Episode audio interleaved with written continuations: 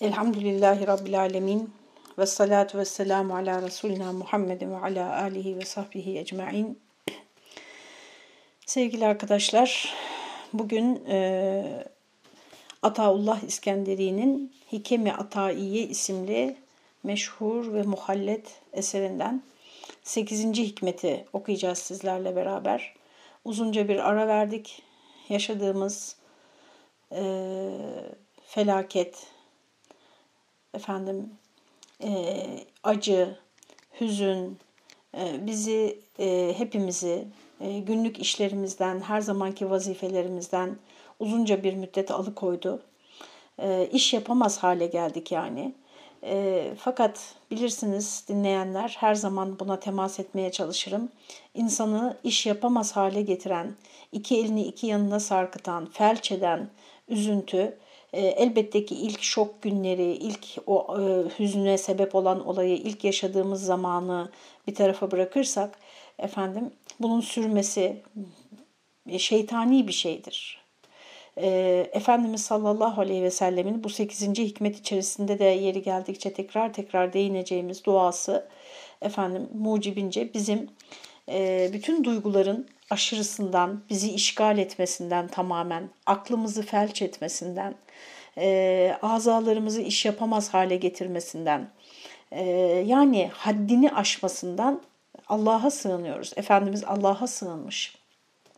Özellikle e, üzüntü ve kaygıdan Allah'a sığınmış. Geçmişe yönelik derin üzüntülerden ve geleceğe yönelik insanı iş yapamaz hale getiren kaygılardan Allah'a sığınmış Efendimiz sallallahu aleyhi ve sellem. Biz de Rabbimize sığınarak herkes kendi yaptığı işi en iyi şekilde yapmaya devam etmesi gerekir. Kriz anlarında yapılacak en güzel şey budur. Bulunduğumuz yeri her, her ne kadar bir milimetre karelik bile olsa bir boşluk dolduruyorsak orayı en güzel şekilde doldurmaya çalışmaktır e, derim hep.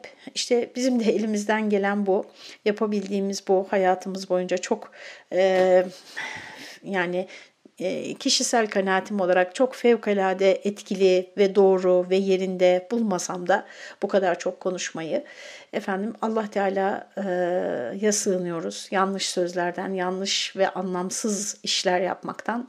Efendim inşallah e, bu konuşmalar, bu anlatmalar e, bir boşluk doldurur hayatımızda, birilerinin elinden tutar ve birilerini hakka yaklaştırır. Böyle mesajlar aldıkça ben de e, devam etme azmi buluyorum kendimde, sürdürme azmi buluyorum ama e, her konuda olduğu gibi burada da itidalin dışına çıkmamak lazım. Yeter ki sindirelim arkadaşlar. Çok bilgi de bizim o bilgiyle yükseleceğimiz anlamına gelmiyor her zaman e, bazen tek bir cümle bizim o kemalat yolculuğumuzda büyük mesafeler kat etmemize yardım ediyor. İşte bugünkü 8. hikmet de e, benim acizane kanaatim böyle bir e, bilgi, böyle çok kıymetli bir e, mücevher sunuyor bize, bize burada bir bakış açısı sunuyor e, Ataullah İskenderi. Hatta ben evvelce bu kitabı okuduğumda yanına not düşmüşüm hangi tarihte olduğunu yazmamışım ama ey büyük Allah'ım diye böyle not düşmüşüm yanına. Ee, şimdi bu hikmeti sizlerle birlikte anlamaya çalışalım arkadaşlar. Şöyle diyor Ataullah İskenderi mealen. Ey irfan talibi, sana ilahi marifetten bir kapı açılırsa,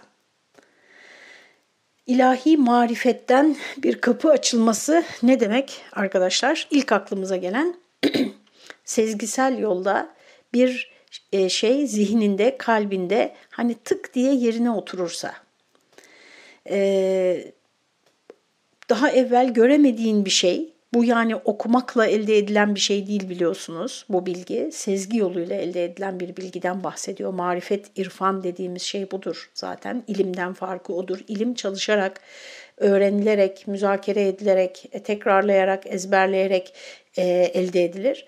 Marifet ise e, kalbin yetenekleriyle olduğunu düşünüyorum ben. Akılla kalp arasında da çok kesin bir çizgi çizmiyorum yani. Çok e, hani bunlar birbirinden tamamen farklıdır demiyorum. Birbirini desteklediğini, birbiriyle iç içe geçtiğini düşünüyorum. Akıl ve kalbin olması gerekenin de bu olduğu kanaatindeyim. Birbiriyle çatışan iki kuvvet değil, birbirini destekleyen, el ele veren ve kişiyi yükselten iki kuvvet, akıl ve kalp. İkisinden birini ihmal etmek kişiyi e, yarı yolda e, kör topal bir şekilde bırakıyor arkadaşlar.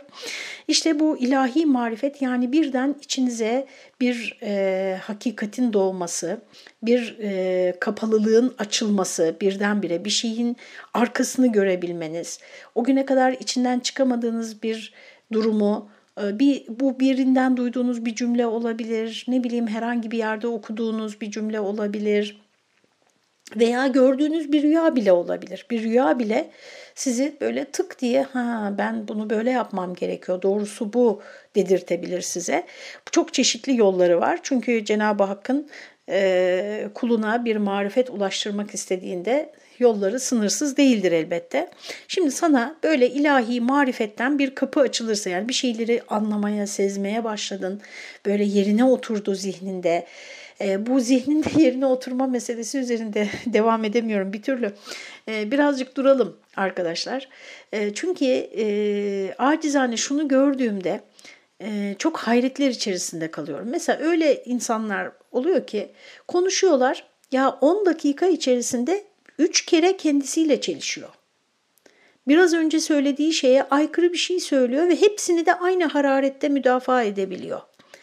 Bu nasıl oluyor yani nasıl oluyor da kendi zihnimizde hayatı, insanları, ahlakı, inancı her neyse yani beslenmeyi fark etmez yani çok sıradan bir konu da olabilir. Ee, düşünürken birbirine zıt fikirleri, birbirini tamamen e, olumsuzlayan yani nakzeden, yalanlayan fikirleri nasıl bir arada tutabiliyoruz zihnimizde ve hiç rahatsız olmuyoruz bundan. Bu e, düşünme melekesini yitirdiğimiz için mi safsatalar konusunu çalışır biliyorsunuz e, mantık ve felsefe. Efendim e, o melekeye haiz olmadığımız için mi, zaman ayırıp üzerinde düşünmediğimiz için mi ya da böyle rastgele konuştuğumuz için mi? İnsanın arkadaşlar e, insan içine çıkıp bir şey söylemeden önce isterse bu bir aile meclisinde konuşmak olsun e, tutarlı bir düşünce yapısına ulaşması gerekir herhangi bir konuda. Yani ekonomiyle ilgili, ne bileyim yani ev ekonomisiyle ilgili, beslenmeyle ilgili, çocuk eğitimiyle ilgili, siyasetle ilgili, afet yönetimiyle ilgili fark etmez. Maneviyatla ilgili, ibadetle ilgili herhangi bir konuda bir şey bir düşüncesi varsa arkadaşlar bu düşüncenin onun diğer bütün düşünceleriyle ve dünya görüşüyle ve inançlarıyla ve ahlak anlayışıyla her biriyle e, sağlıklı bir bağ içinde olması lazım ve biri ötekini yok edecek e, düşünceleri, biri ötekinin tam zıttı olacak düşünceleri e, aynı kabın içerisinde sanki bir bütün oluşturuyorlarmış gibi e, tam bir karmaşa yani aslında e, nasıl barındırabiliyor insanlar zihinlerinde? Hadi barındırdı diyelim olabilir. Yani yetenekleri o kadardır. Vakti yoktur. Üzerinde düşünmemiştir. Kopyala yapıştır e, şekilde edinmiştir bütün kanaatlerini. Taklit yoluyla edinmiştir. Yani üzerinde tahkike ulaşacak bir mesai harcamamıştır. Olabilir. Peki nasıl bunu bir başkasına empoze edebiliyorsun, müdafaa edebiliyorsun ve oradaki o müdafaa esnasında kendinle bu kadar çelişmekten nasıl rahatsız olmuyorsun? Dolayısıyla arkadaşlar bir e, içimize e, doğan her şey e, hemen böyle hop diye sunulmamalı. Bir düşünülmeli yani benim bu benim işte kader inancımla nasıl örtüşüyor, Allah inancımla nasıl örtüşüyor, benim ahlak anlayışımla nasıl örtüşüyor. Ben işte e, ne bileyim eğitimle ilgili, insan ilişkileriyle ilgili, e, para kazanmakla ilgili şöyle şöyle düşüncelerim var. Peki şimdi bu savunacağım şey bunlarla e, ilişkisi ne? Eğer e, içimize doğan yani ilahi marifetten bir kapı açılırsa dedi ya Ataullah İskenderi. O açılan kapıdan gelen bilgi kesinlikle haksa o zaman geriye doğru dönüp benim diğer bütün düşüncelerimi de o hak doğrultusunda yeniden revize etmem gerekir. Değil mi? Sağlıklı ol. Yani normal bir zihin böyle çalışır.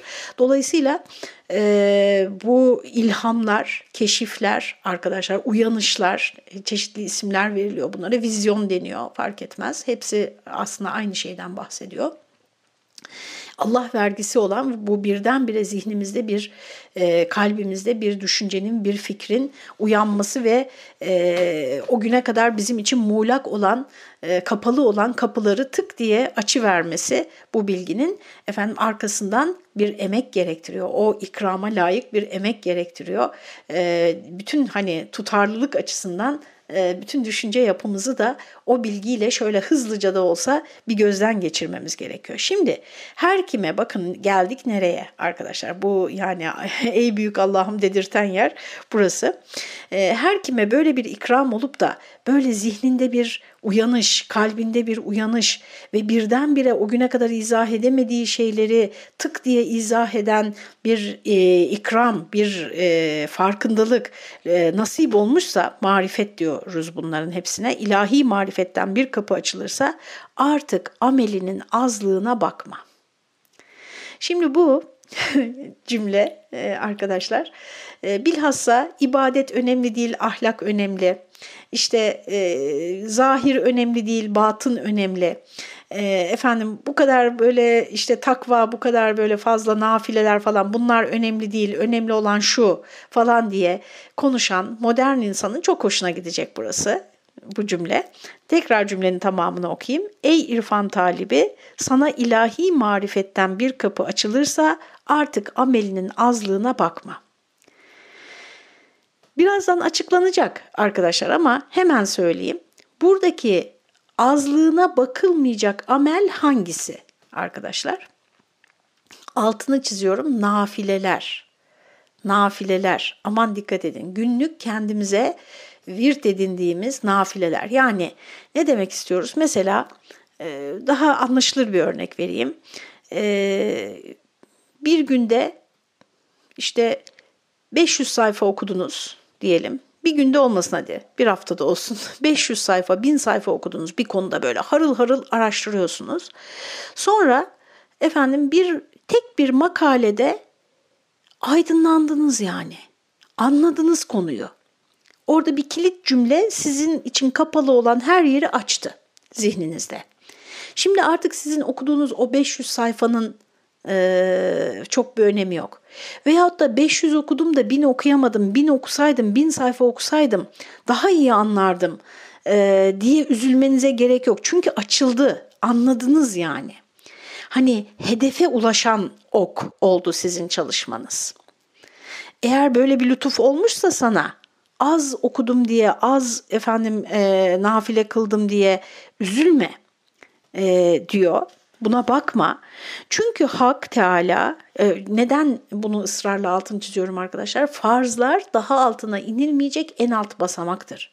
Farzlar bir e, üstünlük değildir arkadaşlar. Farzlar bir bizim fevkalade bir gayretimizin sonucu yaptığımız hani bir bizi diğerlerinden ayıracak, bize fevkalade kapılar açacak şeyler değildir. Bizim kulluk görevlerimizdir.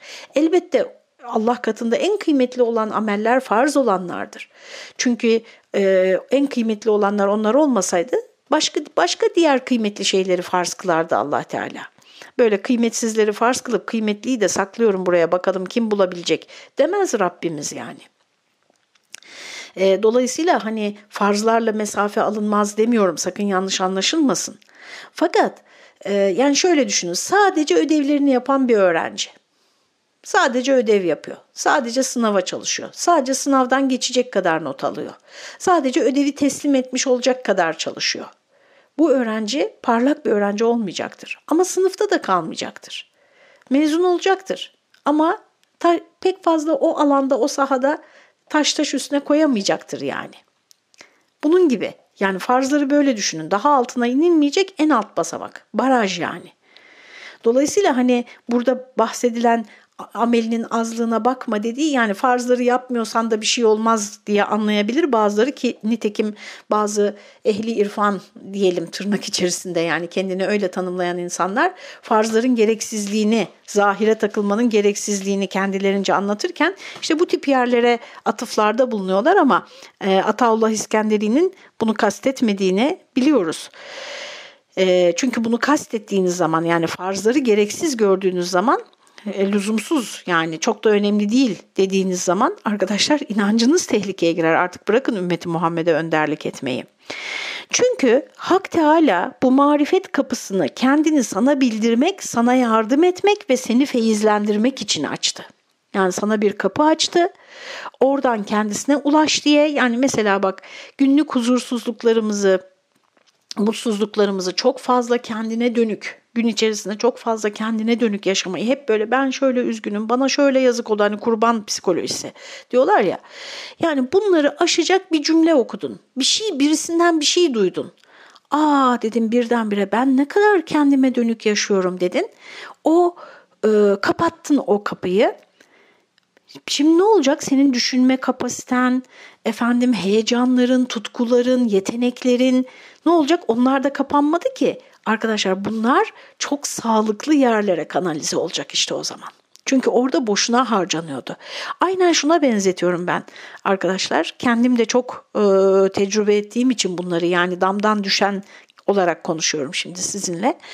E, biz yeryüzü gibi düşünün kendinizi. Arkadaşlar güneş size hayat vermek için her gün doğar. Ama eğer bulutlarla kapatmışsanız, simsiyah bulutlarla kapatmışsanız üzerinize ya da üstünüze bir yorgan çekip e, kulağınızı sadece kendinize vermişseniz, bana dışarıdan fayda yok falan demişseniz arkadaşlar o güneş size ulaşmaz. Ulaşmadığı için ölürsünüz zaman içerisinde. Yani ölü bir toprağa, ölü bir zemine dönüşürsünüz. Onun için bazen bu ilahi marifet dediğimiz şey işte birinden bir şey duyduğumuzda veya bir hakikati öğrendiğimizde, yaptığımız bir yanlışı fark ettiğimizde birdenbire silkinmek ve e, bütün o kara bulutların dağılması, güneş ışıklarının toprağa ulaşması gibi.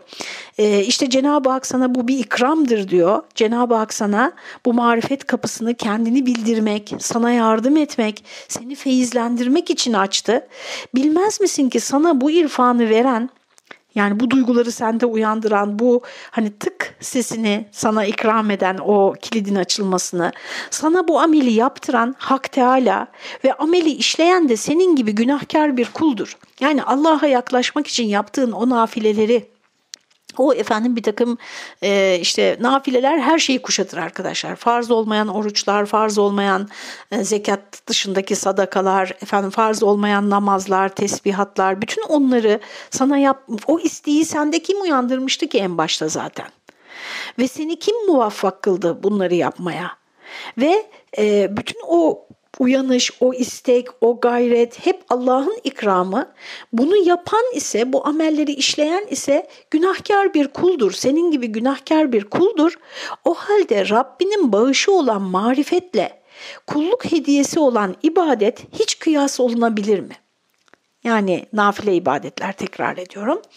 E, dolayısıyla arkadaşlar e, sadece nafile ibadetlerle, sadece bir takım amellerle e, farzların dışında yükselemeyeceğimizi bilelim. Bunu da şöyle anlatabiliriz. Demin çalışmayan öğrenciye örnek vermiştik, ekstra çalışmayan. Bir de şöyle bir öğrenciye örnek verelim arkadaşlar. Bunun da örneklerini görmüşsünüzdür hayatınızda. Çok fazla çalışıyor. Çok fazla okuyor hiç dinlenmiyor. Büyük bir hırsla, büyük bir e, istekle, büyük bir e, amaç koymuş önüne. Efendim ona ulaşabilmek için gece gündüz çalışıyor. Ben gördüm böyle öğrenciler. Fakat arkadaşlar marifet verilmemişse yani o okuduklarını hazmedecek, zihninde doğru yerlere yerleştirecek ve lazım olduğunda oralardan çıkıp bulup çıkartıp kullanabilecek sentez, analiz kabiliyeti, hafıza, zeka, kavrayış kabiliyeti yeterince güçlü değilse arkadaşlar yani ilahi lütuf onda biraz o yani üst seviyenin biraz altındaysa isterse haftada 10 bin sayfa okusun. bir şey olmayacaktır. Hatta bazen arkadaşlar bunlar bu çok çalışmaları sayesinde belli konumlara bile gelebilirler. Biz onları da biliyoruz, dinliyoruz mesela. Dinliyoruz, bir saat dinliyoruz. Ee, şöyle ünvanı var, böyle araştırmalar. Hiçbir şey çıkmıyor yazdıklarından, anlattıklarından. Hiçbir şey çıkmıyor. Çünkü e, onları dönüştürecek ve e, ortaya yeni bir tek bir cümle bile koyabilecek kapasitesi yok. Dolayısıyla arkadaşlar sen diyor kendi gayretini hiç Allah'ın ikramıyla kıyaslama. Öyle ben kendi gayretimle yükseleceğim zannetme. Allah Teala bir sana marifetten bir kapı açı verirse yani zekanı bir tık açı verse, hafızanı bir tık kuvvetlendiriverse, kalbinin o karanlığını bir tık perdeleri açı verse, o karanlığa bir nur indiriverse Allah Teala bu senin gayretinle ulaşabileceğin bir şey mi yani? Dolayısıyla gayretinin, amelinin eksikliğine çok üzülme. Sen bak bakalım o ilahi lütuf sana mazhar olmuş mu? Olmuş musun o lütfa? Şimdi arkadaşlar e, Ataullah İskenderi'nin söylediği burada bitiyor. Biliyorsunuz biz e, Kastamonlu Seyyid Hafız Ahmet Mahir Efendi'nin şerhini okuyoruz Hikemi Atayiye'de. Onun da usulü şöyle, e, Ataullah İskenderi'nin hikmet diye işte 8. hikmetteyiz şu anda. Efendim yazdığı o 3-4 cümleyi önce bir şiirle açıklıyor. Bazen bu tek bir beyit olabiliyor. Şu anda mesela üç beyit var önümde. Efendim sonra da nesir olarak açıklıyor. Önce şiirsel ifadesini okuyalım. E, taarruftan sana bir bab açınca Hazreti Malik, marifet kapısından sana bir kapı açınca e, bu mülkün sahibi olan Rabbimiz, mübalaat etme artık kılleti amale ey salik artık amellerim azdır diye takılma oraya. Oraya aldırma. Ey salik, ey bu yola giren kişi. Ey mürit yani. Sana ol babı ancak Fatihul Ebvab olan Mevla bilinmek hikmetinden naşiyi açtı şüphesiz cana. O babı Cenab-ı Hak sana ee, üstelik de Cenab-ı Hakk'ın isimlerinden birisi de Fettah, Fatih, Fatihul Ebvab e, değil mi? Peygamber Efendimizin dualarında da geçiyor. Kapıları açan demek. E, ya mufettihal ebvab diye Peygamberimiz yalvarıyor Cenab-ı Hakk'a bazı dualarında. E, sana kapıları açan, ünvanı bu olan o Mevla o kapıyı niçin açtı? Amellerinin karşılığında mı yani?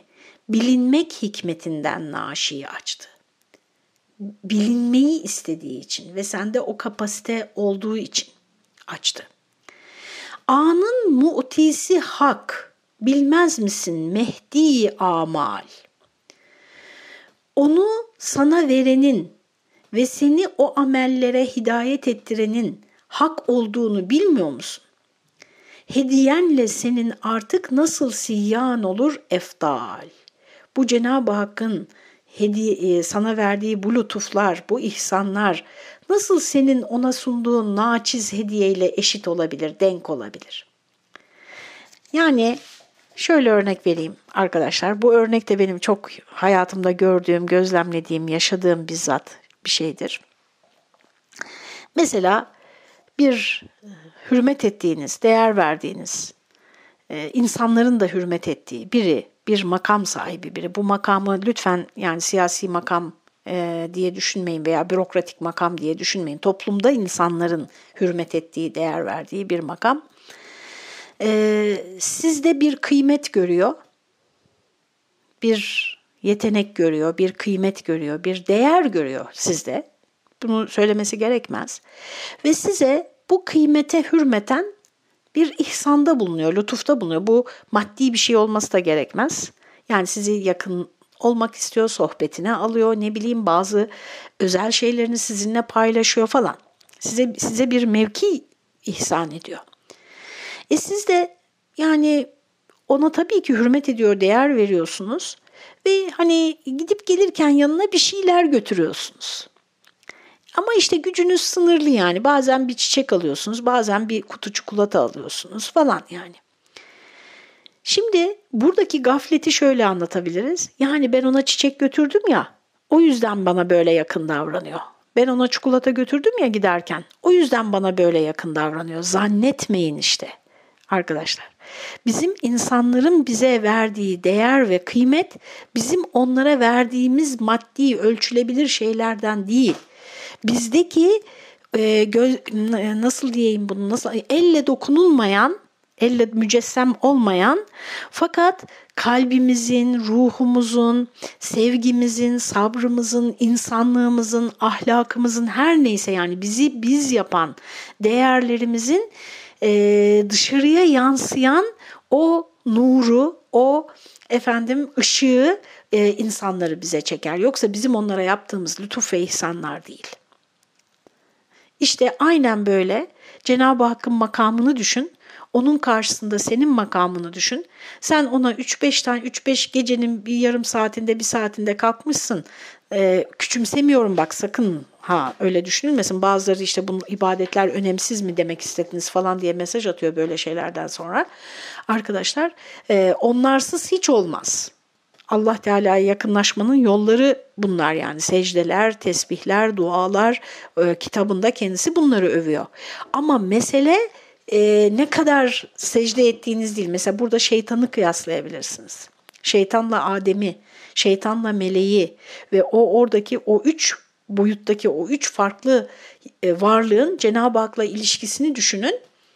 Yani Adem mi daha çok ibadet etmişti Cenab-ı Hakk'a, şeytan mı yani öncesinde? İşte onu diyor. Şimdi gelelim nesir şeklindeki açıklamasına e, efendim Ahmet Mahir Efendi'nin hak yoluna giren kimsenin nefsani ve şehvani tehlikelerden sakınması ve asıl maksadı olan hakka vasıl olmak için çok amellerle halini düzeltmesi gerekir. Yani şimdi burada tabii maneviyattan bahsediliyor. Anlaşılsın diye günlük hayattan ben örnek vereyim. Ne bileyim bir konuda doğru olan bir şeyi yapmaya karar verdiniz. Spora başlamak olabilir, yabancı dil öğrenmek olabilir. Herhangi bir şey, zihinsel, bedensel, sosyal, herhangi akrabalarınızla ilişkilerinizi düzeltmek istemiş olabilirsiniz.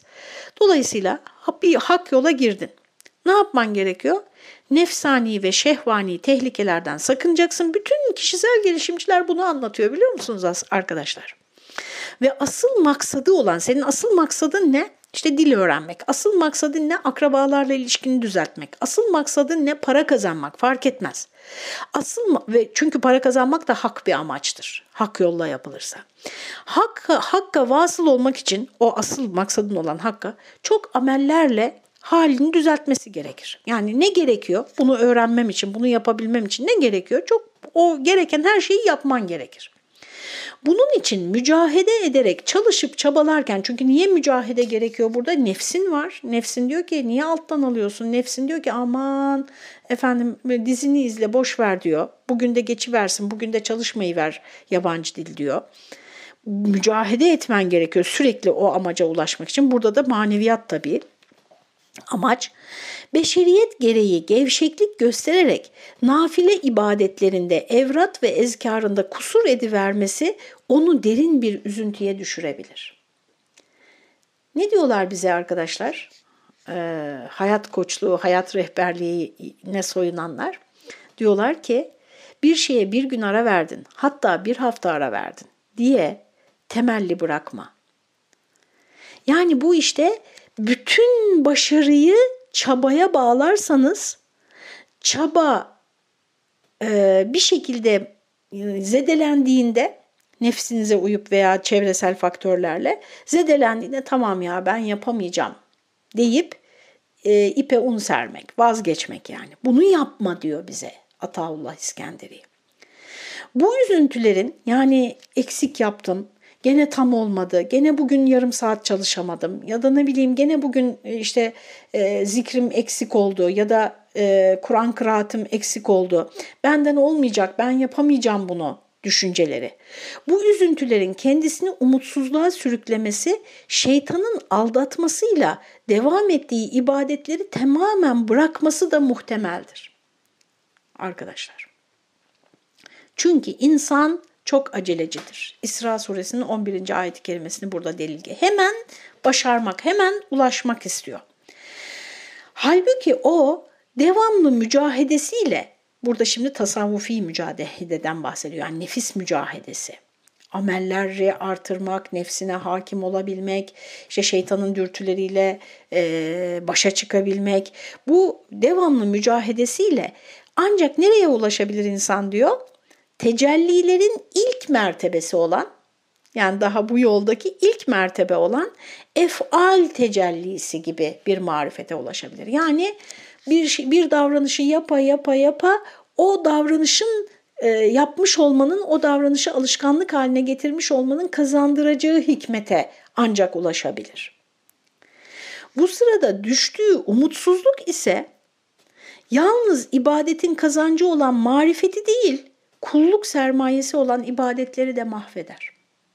İşte bu hikmet, bu Ataullah İskenderi'nin şu anda anlattığımız hikmeti dervişleri bu bakımdan aydınlatıcıdır diyor arkadaşlar e, de, devam ediyor Ahmet Mahir Efendi. Biz de devam edeceğiz inşallah konuyu anlatmaya. E, burada ara verelim. Umarım efendim e, amelin gereksizliği gibi bir sonuç buradan çıkarılmamıştır. Benim çok sevdiğim daha kimya çalışırken lise bitirme sınavlarında oradan aklıma aklımda kalmış.